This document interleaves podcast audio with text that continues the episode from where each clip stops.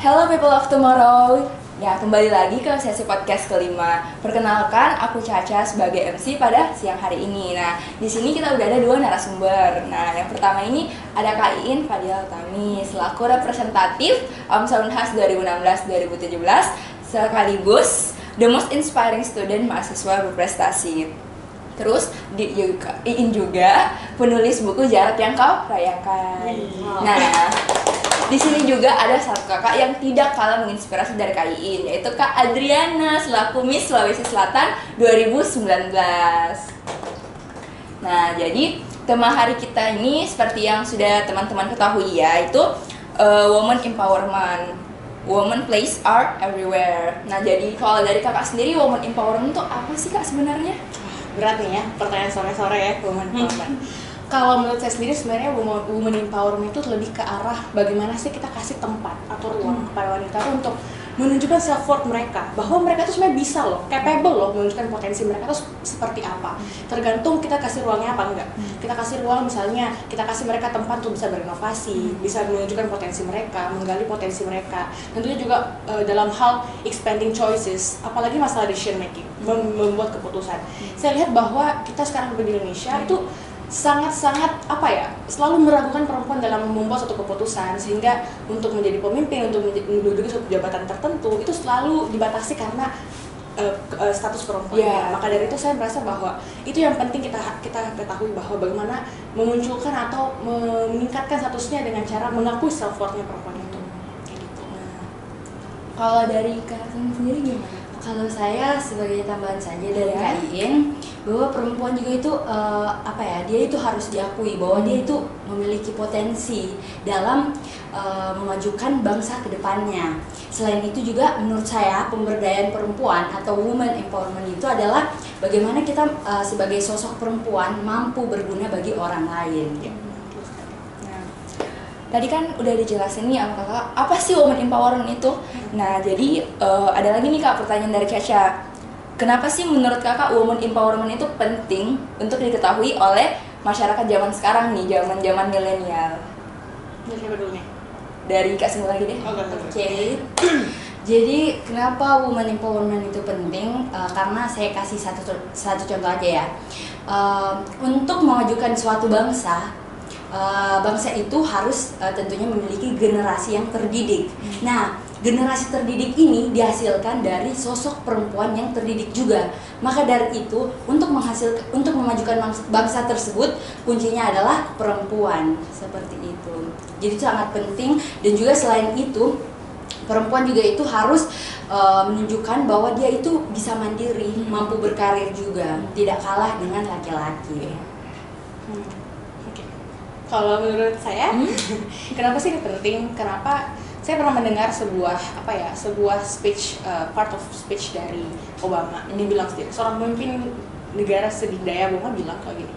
There is no, um, there is nothing more effective than uh, woman empowerment. Maksudnya adalah seorang pemimpin sekelas Obama aja itu melihat bahwa woman empowerment ini, woman ini punya potensi yang sebegitu dahsyatnya. Bukan hanya dari karena dia jumlahnya kita memang besar, sepertiga dua per tiga dari seluruh uh, popu- populasi, tapi melihat bahwa kita sebenarnya itu capable, kita sebenarnya potensi itu sama, tinggal diberi atau tidak diberi kesempatan itu. Maka dari itu saya bilang uh, banyak sekali potensi. Kita bahkan bisa bergerak lebih cepat. Kalau misalnya kayak selama ini kita mengira bahwa oh laki-laki doang nih yang capable dalam memajukan menggerakkan ekonomi misalnya, ternyata perempuan pun juga seperti itu. Bisa bisa misalnya bisa uh, ber, ber- memberi sumbangsi di economic growth, pertumbuhan ekonomi, di dalam hal tentunya stabilitas politik dan dan tentu juga di social transformation.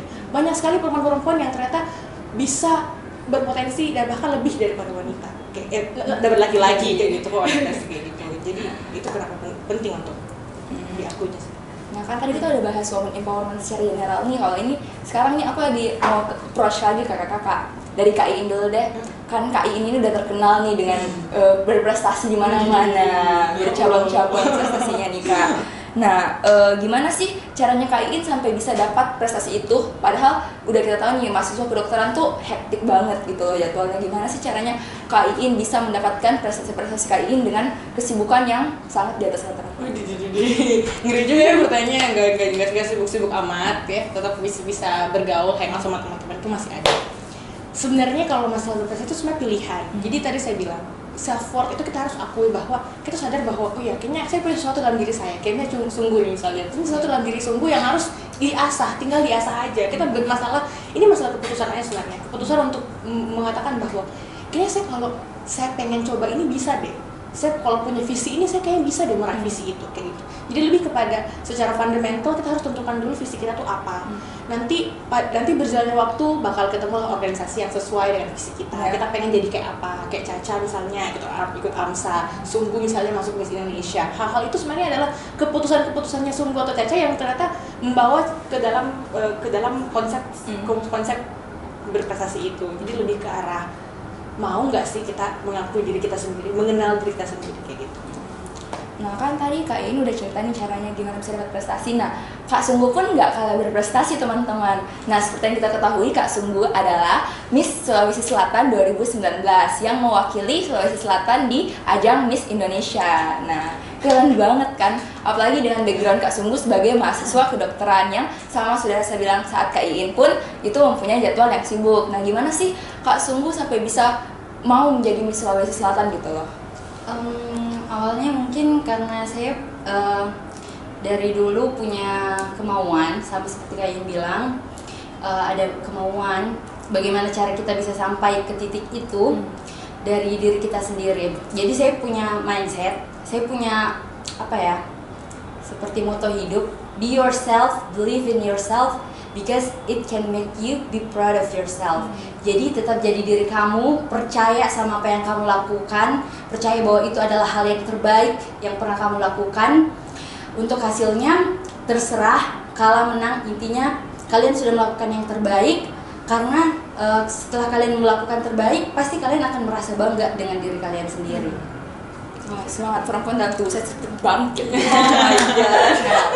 jadi eh, kita udah dengar betapa hebatnya kedua narasumber kita untuk siang hari ini. Jadi sekarang kak eh, aku lebih mau tanya lagi ke sekitar kita nih. Kita eh, melebar lagi ya ke sekitar kita. Ada aku bakal kasih kakak beberapa kasus. Terus aku mau tanya dong pendapat kak Sungguh dan kak Iin tuh gimana akan kasus ini? Karena dari yang udah aku search search ini kak sebelumnya teman-teman aku yang lain pun penasaran dengan tanggapan-tanggapan orang lain terhadap kasus ini. Nah, udah siap nih kak dengar kasus pertama? kayak soal ya kayak UNESCO nih Nah, kasus pertama nih kak panjang nih kasusnya nih kak. Jadi eh, mungkin kakak udah pernah dengar ya ada seorang ex guru honorer namanya itu Baik Nuril. Nah, Baik Nuril ini menyatakan ke publik kalau dia mendapatkan pelecehan seksual secara verbal oleh kepala seko- sekolah tempatnya bekerja. Nah, kepala sekolah ini berinisial M. Nah, awalnya baik Nuril ini ditelepon oleh M yang menceritakan kalau si M ini melakukan hubungan seksual dengan wanita lain yang bukan istrinya. Semenjak saat itu, si M ini kerap kali menghubungi Baik Nuril, Baik Nuril, dan Baik Nuril pun akhirnya dikatakan oleh orang-orang sekitarnya, wah si Baik Nuril ini punya hubungan gelap nih sama si M. Nah, karena akhirnya si Baik Nuril ini tidak terima dengan tuduhan-tuduhan itu, akhirnya Baik Nuril pun menyebarkan ke rekan-rekannya kalau ini loh si M ini nelpon aku soalnya eh, dia gini-gini gitu-gitu. Dia secara tidak langsung dia menyebarkan aib M yang udah diceritakan ke si Baik Nuril. Nah, akhirnya si Baik Nuril ini tidak terima dan eh, si M ini yang nggak terima maaf aku agak meleng. Jadi si M nggak menerima dan akhirnya dia menuntut Baik Nuril. Nah, akhirnya baik Nuril pun masuk penjara selama enam bulan dan denda 500 juta. Oke. Nah, kalau menurut Kak Sungguh dan Kak Iin sendiri pun apa sih tanggapannya Kak Iin tentang kasus ini? Ini kasusnya pernah marak banget ya waktu dulu, Mhm. pernah heboh banget di sosial media. Kalau dari Kak Iin dulu deh. Saya. Oke. Jadi eh, ini masalah eh, sexual harassment ya Hmm. tentang verbal. Nah, ini yang jadi masalah sebenarnya karena eh, masalah ini tuh sangat tabu untuk kita perempuan ceritakan. Ya. Saya yakin pasti si Mbak Nuril ini untuk bisa sampai ke titik dilapor eh, melapor ke polisi ke pihak yang berwajib dan sampai ke diketahui oleh publik itu bukanlah hal yang mudah Hmm. secara mental pasti dia merasa, merasa mendapatkan tekanan yang banyak apalagi melaporkan orang-orang terdekatnya bahkan yang melaporkan eh, apa ya eh, atasannya ya Ya, kepala sekolah itu atasannya itu bukan hal yang mudah pastinya dan itu yang menjadi masalah saya yakin kisah ini bukan hanya sekedar Mbak Nuril aja merasakan. Banyak sekali perempuan-perempuan lain yang merasakan tapi tidak mampu untuk mengungkapkan Hmm, karena merasa ini aib loh gitu. Kekerasan seksual itu aib loh, apalagi hal-hal seperti verbal itu cukup sulit untuk kita eh, gimana ya? Sulit untuk di di dibuat dalam satu indikator misalnya di, di misalnya kalau kalau kekerasan fisik kan jelas ada memarnya lebamnya gitu kan tapi kalau misalnya dia verbal itu sulit untuk kita identifikasi seperti itu nah tanggapan saya adalah ini inilah beginilah. Mungkin lebih mungkin akan lebih tepat jika orang-orang hukum yang berbicara Iya. tentang ini. tapi mungkin lebih ke arah bagaimana sih perempuan itu bisa diberikan ruang. Jadi maksudnya diberikan tempat agar dia bisa mengungkapkan hal-hal seperti itu dengan bebas seperti itu. Jadi kayak, kayak hal-hal ini tuh tidak sampai dia harus dituntut dulu barulah mencuat ke publik bahwa loh kok saya dituntut 500 juta nih? Padahal saya ini korban loh. Kenapa saya dituntut? Kayak saya dituntut.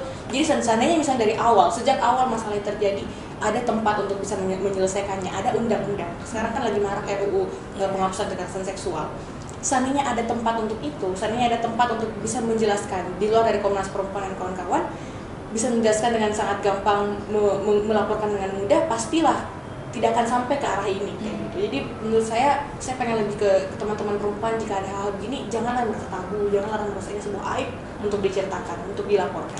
Gitu. kita harus berani muncul Berani, berani sejak awal gitu. Jangan sampai nanti di, di, di- diginiin baru deh Baru. baru mencuat gitu kan. kalau dari kak Sumbu sendiri Uh, gimana kalau saya cuma menam- menambahkan sedikit uh, dari Kak Iin uh, sudah cocok. Kita tuh harus lebih berani bicara. Kalau misalnya kita dapat uh, suatu masalah, suatu apa pun itu, tapi di sini mungkin kalau kita masih seperti malu-malu untuk bicara langsung ke orang lain atau teman, kalian bisa bicara dulu ke kerabat dekat kalian seperti mama ataupun saudara karena mereka pasti akan lebih mengerti. Dan mustahil juga kayak mereka itu bakal menjatuhkan kalian. Justru e, mereka pasti bakal memberikan kalian masukan kalian harus seperti apa seperti apa. Karena e, kayak e, seperti ini kan e, kasihan kalau misalnya si korban yang akhirnya jadi pelaku sedangkan pelaku se- e, seakan-akan dia menjadi korbannya seperti itu Nah kan udah dibilang tadi baik Nuril ini terkena kasus 6 vonis 6 Hmm. bulan penjara dan denda 500 juta.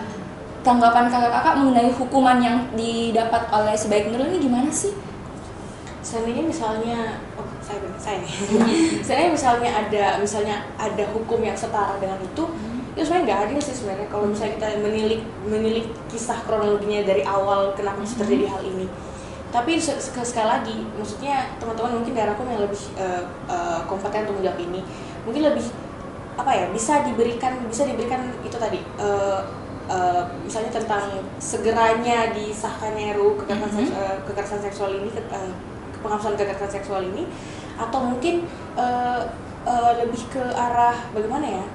Mungkin butuh suatu eh, apa ya diskusi atau pengkajian lebih dalam lagi Lebih kasus ini. Gitu ya. Approach-nya lebih dalam lagi. Soalnya ini bukan hal yang sederhana sederhana menyebarkan eh, apa ya nama baik apa sih namanya? Menyebarkan eh, ke- merusak nama baik. Iya, tapi ini ada ada banyak sekali step-stepnya ada Iya. banyak sekali uh, panjang kronologinya. Dan Hmm. itu yang menurut saya perlu digali lagi. Dan saya yakin uh, ini belum cukup adil seperti yang si Mbak Nuril menyakini Ah, kalau saya sendiri ya.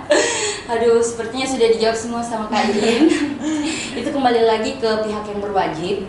Eh, tapi menurut saya itu memang juga tidak adil, Kak. Karena secara dilihat ini kan kasihan si Mbak Nuril ini kayak korban, tapi akhirnya eh, dia yang dapat Menjadi pelaku. Ah, ah, dia jadi pelakunya. Jadi dia yang dapat hukumannya.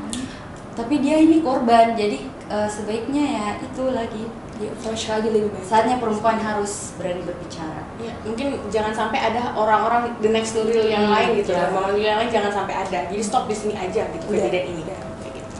Nah, tadi udah kasus pertama nih, itu kayak baru permulaan gitu Oh, loh. Kak. Sekarang Oke, kita ke kasus dua lagi nih. Ini yang paling sering ya. terjadi di masyarakat zaman sekarang. Bahkan mungkin hampir semua perempuan pernah mengalami kasus ini. Nah, jadi pasti kakak udah pernah dengar yang namanya catcalling. oh catcalling Ya, Ah, catcalling. Nah, catcalling ini merupakan tindakan yang biasanya terjadi di ruang ling ruang publik di mana seorang laki-laki melakukan komentar terhadap tubuh atau berusaha menggoda wanita yang berjalan melewatinya. Hmm. Nah, terus kalau dari Kak Iin sendiri udah pernah nggak ngalamin catcalling? kalau karena even if saya maksudnya berhijab Ya. Tertutup lah kasarnya tapi masih aja. Satu hari saya pernah waktu itu hampir kayak seminggu yang lalu kalau nggak salah. Seminggu yang lalu saya baru, Baru banget ya? baru banget baru banget. Seminggu yang lalu saya pergi jaga malam dinas malam di satu rumah sakit nasional rumah sakit negeri di Makassar saya jalan di depan IGD saya eh, cukup agak terburu-buru ya waktu itu karena sudah mau jam tukar jaga. Jadi saya terburu-buru jalan tek tek tek tek, saya pakai pak waktu itu saya pakai pakaian. Saya ingat sekali saya pakai pakaian jaga malam itu seperti baju oka. Jadi kayak baju oka gitu panjang kayak baju tidur gitu kan baju oka panjang. Nah, kayak gitu kan. Terus tiba-tiba ada yang manggil saya kayak ade ade. Saya pikirnya kayak itu saya dipanggil atau bukan? Hmm, iya. saya sekarang saya merasa bahwa saya sedang di lingkungan rumah sakit di mana lingkungan ini adalah lingkungan apa ya ya nggak ada orang yang aneh-aneh di sini bukan mall kan? Ini adalah rumah sakit orang yang berkebutuhan khusus yang pergi ke sini kayak gitu kan? Saya jadi saya dengan polosnya berbalik gitu kan? Saya balik saya bilang iya kenapa? Dan si bapaknya ini langsung yang kayak adek manis mau ke mana? Yang kayak Wah. oh my god saya kayak oh my god it's is it God kept calling? Kayak saya jadi kaget dan kayak oh saya pikir biasanya kan kita kalau di rumah sakit ada yang manggil saya adik adik koas itu kan dipanggil ya si mungkin si bapak atau ibunya mau minta tolong Iya, ada ini ada- eh, ada yang urgent ada kali yang ya. urgent gitu gimana di mana IGD di mana bangsalnya di mana ini ini saya balik dan tiba-tiba yang kayak ditanyakan adek manis mau ke mana saya kayak oh my god saya kaget dong yang kayak Iya. oh nggak bisa kayak gitu saya ini pelecehan nih namanya kayak Iya. habis itu saya langsung menunjuk, menunjukkan wajah masangnya yang kayak apa sih? Kayak gitu kan. Jadi apa sih? Nah setelah saya langsung berlalu pergi dan melupakan kayak gitu. Itu nggak enak sih sebenarnya kayak dan apa itu coba. sering banget dialami oleh hampir semua benar perempuan sih sebenarnya di mana pun itu sebenarnya. Bahkan di tingkat kampus pun Hmm. di tingkat sekolah pun tuh pernah seperti itu sebenarnya. Saya pernah. Ya pernah beberapa kali. Oh, iya. kalau dari kak Semu gimana? Kalau aku sih mungkin sering ya cantik, cantik kayak Oh gini lah God, pasti semua semua narasumber ku Aku tadi kiranya Kak Iin karena sudah menutup aurat, udah nggak ada yang Hmm, ya, masih. calling. Hmm. Aku mengira seperti itu karena saya tidak uh, menutup aurat, tapi ternyata tidak. Tapi di sini aku mau cerita, kayaknya ini kejadiannya udah lama pas aku SD. Jadi tuh awalnya aku tuh kalau mau ke sekolah uh, jalan kaki kan, Mhm. jalan kaki. Jadi jalan kaki, terus tiba-tiba ada kayak sekumpulan uh, cowok. Terus dia itu bukan muda, bukan anak muda, tapi kayak udah tua, Udah gitu. tua, udah tua. tiga bulan lebih lah. Terus mereka tuh kayak manggil, masalahnya bukan manggil, nah, manggil nama langsung. uh, dia panggil sungguh, terus aku balikan, terus dia kayak senyum-senyum gitu kak. Hmm. Jadi aku kayak uh, awalnya pertama tuh kayak masih berani aja kan pulang lewat situ lagi masih berani, tapi kayak uh, dua hari tiga hari kemudian tetap kayak gitu. Jadi aku kayak aduh sempet takut loh kak, aku sempet trauma buat jalan pulang lagi lewat situ. Jadi aku minta tolong sama kakak buat uh, kakak sepupu buat anterin ke sekolah. Terus aku bilang bilang kak uh, itu ada cowok yang sering uh, manggil-manggil kalau mau pulang atau pergi sekolah. Terus akhirnya uh, setelah itu pas aku pulang kayaknya itu uh, itu cowok udah ditanyain sama kakak sepupuku kalau misalnya uh, adikku itu nggak suka digituin jadi syukurnya di situ. Tapi itu kayak bikin trauma sih. Iya sih. terus takut ya insecure gitu. Soalnya catcalling ini bukan cuma pas kita sendiri. Aku pun pernah kak waktu itu eh, aku lagi jalan sama kakak cewek aku. Nih Hmm. kan waktu aku dulu tuh aku sering jalan di jalan raya gitu sama kakak cewek aku. Terus kayak ada tukang apa sih namanya tukang becak gitu loh Mhm. pinggir jalan terus kan emang aku sama kakak tuh dulu waktu kecil tuh, sering naik becak oke. aku lewat ambil habis jajan tiba-tiba kita berdua dipanggil ah dia adik manis sini dong naik sama abang gitu gitu Wih. jadi bahkan walaupun kita udah dua orang dua, udah banyak orang pun aku pun sama banyak teman-teman aku pun masih digituin jadi Hmm. itu sam, apa ya orang tuh kayak anggap remeh banget gitu kan kali Hmm. nggak cuman pas kita sendiri pas kita rame-rame pun Iya. mereka masih melakukan nah terus eh, menurut kakak gimana sih cara kita menghadapi catcalling ini dengan benar kan kalau paling wajar paling umum tuh kita pasti muka masam doang Hmm. tapi gimana sih bisa supaya kita me, apa sih menunjukkan loh kalau kita nggak suka diginiin gimana gitu. kalau dari kakak sendiri gimana sarannya siapa dulu nih dulu ya. Jadi kalau aku sendiri sih eh, udah cocok tadi kayak Kak Iin. Paling kita kayak sinis gitu kan. Hmm. Awalnya mungkin itu kayak udah refleks Iya. sendiri. Kita bakal apa sih kayak gitu kan? Kayak cuek aja. Terus aku tuh orangnya kayak cuek aja. Kalau mungkin pas SD SD dulu aku kayak trauma, tapi kalau sekarang di digituin aku kayak apa sih mungkin mereka kayak iri-iri aja gitu kan. Cuek. Tapi em, apalagi tadi? Cara menghadapi cara menghadapinya. Cara menghadapinya eh, ya itu sih. Aku lebih kayak cuek. Cuek aja. Heeh. nggak dipeduli gitu. Nggak dipeduliin aja karena pasti bagi eh, si pelaku itu kayak udah lewat-lewat aja. Pas kita lewat aja mereka kayak gitu tapi habis itu mereka kayak cuek tapi giliran kita pasti kayak kita ngerasa dilecehkan soalnya bagi si pelaku hal ini udah wajar gitu Mm-mm, udah udah sering udah gitu sering. Kan. sebenarnya dulu kan catcalling sudah ada dari dulu kan ya sudah lama banget catcalling ada tapi baru muncul sebagai sebuah isu yang penting itu baru kayak akhir-akhir ini baru di, di- ditampilkan di dunia maya karena kita lebih sering bisa mengakses nah satu orang itu pernah saya baca dia bikin Instagram jadi at dear catcall catcallers jadi dia mau mau apa moto foto dari muka dari si catcaller itu. Hmm. jadi dia foto wajahnya dan dia upload di dalam akun itu. Jadi jadi dia akan ada apa ya ada sanksi sosial Iya. sendiri social punishment kepada orang-orang yang catcaller itu. Karena sekali dia dia merasa oh ya saya bisa nih lakukan ngelakuin ini saya semua tadi cuekin aja kan. Ah cuek aja lah dia akan melakukan kepada perempuan-perempuan yang lain Hmm. kayak gitu kan. Jadi itu yang harus kita hentikan. Sebenarnya yang kenapa cat- catcalling ini menjadi isu yang penting untuk dibahas karena bagaimana menghentikan si catcaller. Jadi di Insta- akun Instagram itu at dear catcallers boleh dicek itu banyak banget wajah-wajah dari catcallers. Jadi untuk membuat mereka jerah untuk tidak itu. Bahkan juga ada di sebuah negara Tunisia kalau nggak salah dia bahkan membuat eh, jadi ada aplikasi jadi namanya Women Secure App. Jadi Women Secure App ini gunanya untuk kalau misalnya kita lagi di code catcalling tadi di jalan sekolah kan dekat sekolah nah kita bisa kirim eh, kirim misalnya eh, apa loca- location Location-nya. GPS oh, polisi bisa akses dan dan memberikan apa ya eh, Hukuman ya kepada si kayak gitu. Jadi menurut saya sih eh, ini catcalling ini bukan hal yang sederhana yang yang boleh kita cuma wajah masam saja atau cuek saja. Kita harus memang memberikan efek jerah sejerah-jerahnya kepada catcaller karena efeknya panjang gitu loh. Kayak tadi oke lah kalau mungkin kita kan udah dewasa kan udah bisa udah bisa divinfak lah sama gitu kayak terserah lah gitu. Kan tapi untuk anak-anak kayak tadi sungguh misalnya masih kecil Hmm. dia trauma. Gimana kalau dia trauma terus dia ngomong ke pergi sekolah lagi?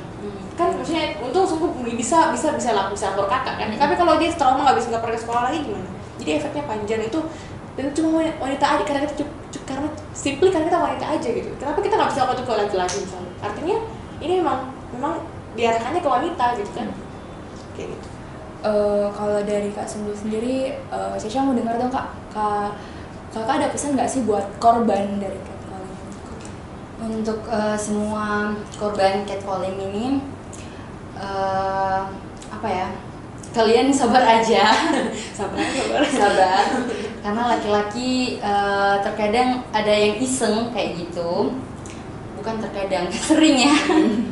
sering. Jadi udah cocok tadi kayak eh, Kak In bilang ada orang yang bikin eh, Instagram. Jadi itu kayak apa ya buat membuat mereka bikin jerah jerah, bikin mereka malu.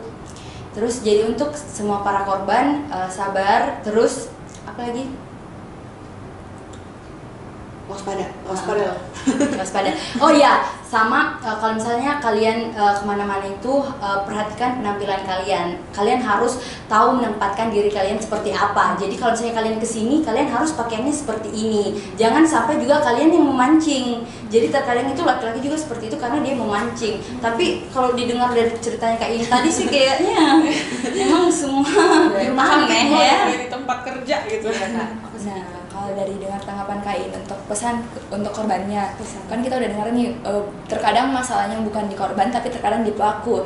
Nah, kalau dari Kak sendiri ada pesan nggak untuk pelaku dari catcalling ini Kak? pesannya kegiatan atau event catcalling ini sebenarnya terjadi karena pikiran ya mindsetnya si si si pelaku ini misalnya nah jadi kalau saya sih lebih ke arah carilah hal-hal yang positif yang bisa kamu lakukan yang bisa bermanfaat yang bisa mengubah dunia yang bisa beri sumbangsi yang bisa memajukan ekonomi dan segala sektor dari dunia ini.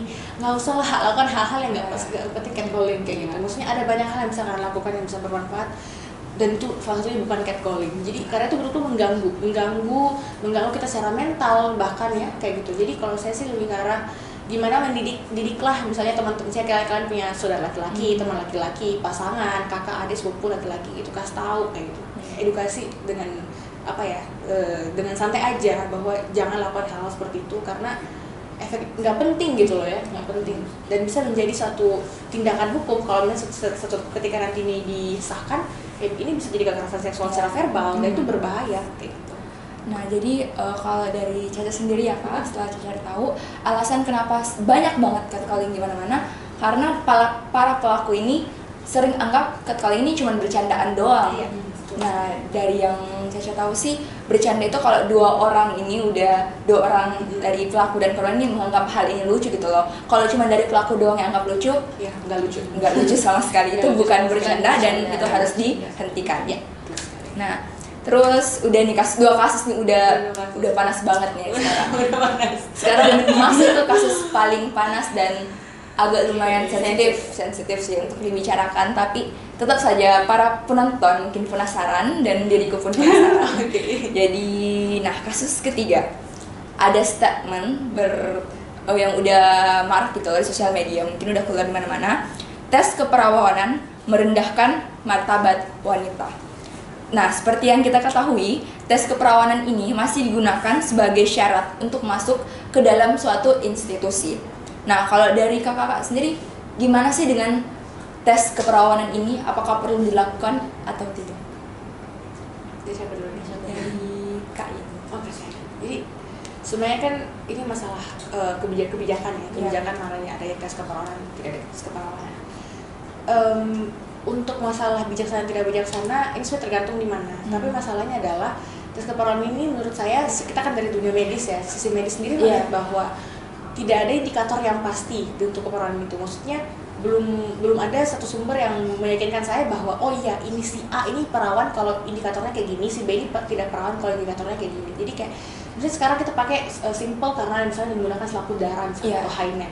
Nah hymen itu ternyata banyak sekali bentuknya. Kita belajar anatomi sekalipun itu ada banyak sekali em, apa namanya eh, variasi dari morfo bentuk ya bentuk dari hymen. Ada bahkan yang malah misalnya hymen itu bahkan memang dari sononya memang udah udah nggak ada gitu udah nggak ada. Dari dari ini variasi anatomi udah nggak ada. Ada bahkan yang mungkin ber, ber- berbentuknya memang sudah berbentuknya mungkin berbeda. Ada bahkan yang sudah menikah pun sudah sudah maksudnya sudah melakukan eh, aktivitas seksual berkali-kali pun juga masih bagus karena masih elastis. Jadi memang bergantung pada tingkat elastisitas dari dari jaringan hymen tersebut. Nah kayak kayak gini kan sebenarnya tidak terlalu batas itu sangat tidak jelas gitu loh. Batas tidak jelas. Jadi akan akan sangat eh, kalau kita lihat secara runut akan bisa memberikan efek yang tidak baik buat si eh, si, si korban si korban si, si, Si peserta itu. karena eh, mungkin mungkin misalnya dia masih mungkin dia dalam itu dia masih perawan tapi karena memang karena variasi anatominya jadi dia, dia di di di vonis nggak perawan itu kan hal tidak adil seperti itu. Jadi kalau saya sih lebih ke merunut ke kebijakan itu harus dilihat lagi secara secara saintifik sebenarnya gimana sih? Gitu. karena eh, aku pun pernah baca katanya kalau eh, kita olahraga gitu Mhm. kecelakaan Ah, olahraga olahraga, itu kadang bisa juga kan dari selaput darah itu bisa itu Bisa robek bisa ya. robek Betul. jadi nggak bisa dijadikan patokan juga Betul sih sekali. Ya. kalau dari kak Sungguh gimana nih Kalau aku sendiri ingin menambahkan sedikit karena tadi Kak In udah bilang secara anatomi Hmm. dari Caca juga bilang karena bisa saja karena kecelakaan atau pada saat kita naik sepeda terus jatuh nggak Iya, sengaja iya, gitu kan iya, pasti sering. itu kecelakaan. Eh, jadi menurut aku sendiri ini juga eh, apa eh, pemeriksaan keperawanan keperawanan ini kayaknya agak lebih sensitif dan juga dia tuh kayak ngediskriminasi Hmm. kita kaum perempuan. Jadi kenapa nggak ada tes keperjakaan gitu kan? Ya kan? Iya. Kenapa nggak ada? Eh, terus eh, seseorang perawan atau tidak itu tidak menunjang dia itu berkompeten atau tidak. Kan sayang kalau saya dia eh, berkompeten tapi akhirnya dia nggak diterima padahal karena dia nggak perawan. Kan itu sayang sekali. Jadi setidaknya itu harus dipikir kembali bagaimana eh, sebaiknya eh, hal itu dilakukan atau tidak. Tapi kembali lagi seperti Kak Yin bilang tadi itu kebijakan dari institusi masing-masing. Masih ada yang punya berpegang teguh untuk jadikan keperawanan itu sebagai apa ya sebagai indikator indikator untuk kelulusannya. Tapi menurut saya sih itu kayaknya kurang perlu dikaji efisiensi ya perlu dikaji ulang. Nah, eh, untuk menyimpulkan nih, aku mau kasih pertanyaan terus Kak Iin dan Kak Sungguh secara bersamaan jawab menurut Kak Sungguh yes or no. Oke. Oke. Tiga dua satu ya. Ya, tiga dua satu ya. Oke. Nah, pertanyaannya, Oh, menurut. Kak Iin dan Kak Sungguh, apakah tes ini perlu diberlakukan? Tes keperawanan ini perlu diberlakukan atau tidak? Satu dua tiga. Satu, dua. Tidak. Oke. Berarti itu sudah menyimpulkan dari kasus ini ya. ini ya. Satu tahun ya? Oh, keren Satu. Banyak ya. Soalnya kan kita lagi bahas kasus ini. Oh, oke. Eh, terus kan udah nih kita udah bahas tiga kasus nih, udah clear banget pikiran kita ini soalnya. Eh, terus aku mau minta dong kak, kan aku ini sebagai orang yang sangat mengadore kakak. Kakak bilang, tentu saya juga lebih hebat. Iya, luar biasa. Iya. Ah, dia amazing. Aku mau minta motivasi dong kak untuk aku dan untuk teman-teman yang lagi nonton sekarang motivasi kepada setiap perempuan kalau perempuan juga bisa bebas berkarya perempuan juga bisa berprestasi dan perempuan juga bisa menjadi the next Kak Iing dan Kak Sungguh in the future Siapa dulu nih? Kak Sungguh lagi Kak Sungguh. Oke. Indonesia, Kalau guys. aku aduh, wah, ngapres mas. Se Indonesia guys. Harus tahu kalian sudah pintar, cantik, Eh. wanita. IPK 4,0 ya. Jadi kalau aku sendiri motivasi untuk semua kalian perempuan terserah itu ada di Makassar ataupun di luar Makassar. Do what you love and love what you do. Jadi lakukan semua yang kalian cintai dan cintai apa yang kalian lakukan.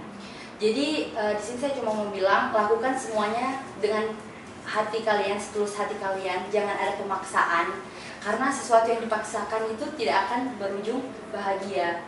Ujung-ujungnya pasti akan jadi beban. Jadi eh, untuk kalian semuanya kejar apa yang mau kali uh, kejar uh, mimpi kalian. Kalian harus punya mimpi sebesar besarnya tetapi selain bermimpi kalian juga harus berusaha dan berdoa. Jangan lupa. Berdoa sama orang tua serta uh, berusaha. Karena uh, ada pepatah yang bilang usaha takkan mengkhianati hasil. Semangat! Semangat! Ya, keren banget sih Miss Indonesia. Oke. Kak lagi.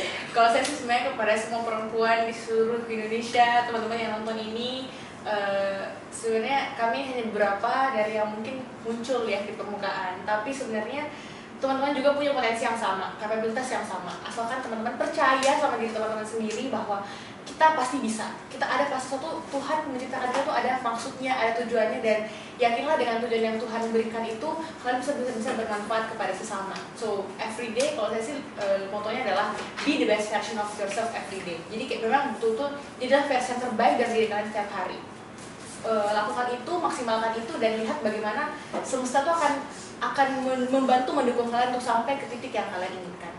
Jadi jangan pernah bosan baca, jangan pernah bosan diskusi sama orang-orang yang kira-kira bisa mengubah pikiran kalian, membantu kalian untuk sampai ke, ke titik kesuksesan kalian dan kayaknya sih lebih itu sih. Jadi manfaatkan waktu sebaik-baiknya. Jangan terlalu banyak eh, sosial mediaing gitu, kayak gitu. Jangan banyak hal-hal yang nggak penting kalian lakukan karena sebenarnya kita tuh muda tuh cuma sekali gitu kan. YOLO gitu kan. You only live life once. Jadi kayak maksimalkan semua waktu, kesempatan yang kalian punya, kesehatan itu semua harus disyukuri dengan cara berbuat yang terbaik dari diri kalian. Oke. Eh, jadi kalau yang dari aku dengar nih kak ya cara untuk menjadi the next Kak Iing dan Mbak Sungguh adalah dengan cara love what you do yang pertama. Kalian harus menyukai mencintai apa yang kalian kerjakan. Terus yang kedua semuanya dimulai dengan langkah kecil. Dari seperti membaca buku dan diskusi-diskusi itu langkah kecil yang bisa membuat kalian menjadi lebih besar. Nah eh jadi mungkin sekian dari podcast kita podcast lima kita kali ini. Nah eh, podcast kita kali ini tuh merupakan podcast yang sangat berkesan untuk saya kak sebagai MC. juga. dan Dan suatu kebanggaan. Iya. penghargaan saya Dina ke sini terima kasih Amsa Unhas saya merasa sangat terhormat bisa wawancara langsung diskusi langsung dengan dua kakak yang emang sangat saya kagumi ini Insya Allah, saya the next ya. Semoga saya ada Amin. next time Amin. amin. Nah, eh, jadi semoga podcast ini bisa bermanfaat dan bisa menginspirasi teman-teman yang menonton baik itu laki-laki maupun perempuan Ya. untuk bisa lebih besar, lebih besar dan menjadi the best version of yourself. Nah, jadi sebelumnya kak kalau aku bilang optimis kakak bilang Pak Amsa dong untuk menutup ya. podcast kita kali ini. Oke. Okay. Nah, gini ya. Iya, Pak Amsa gini ya. Nah, Satu, dua, tiga. Amsa Unhas, Viva Amsa. Bye.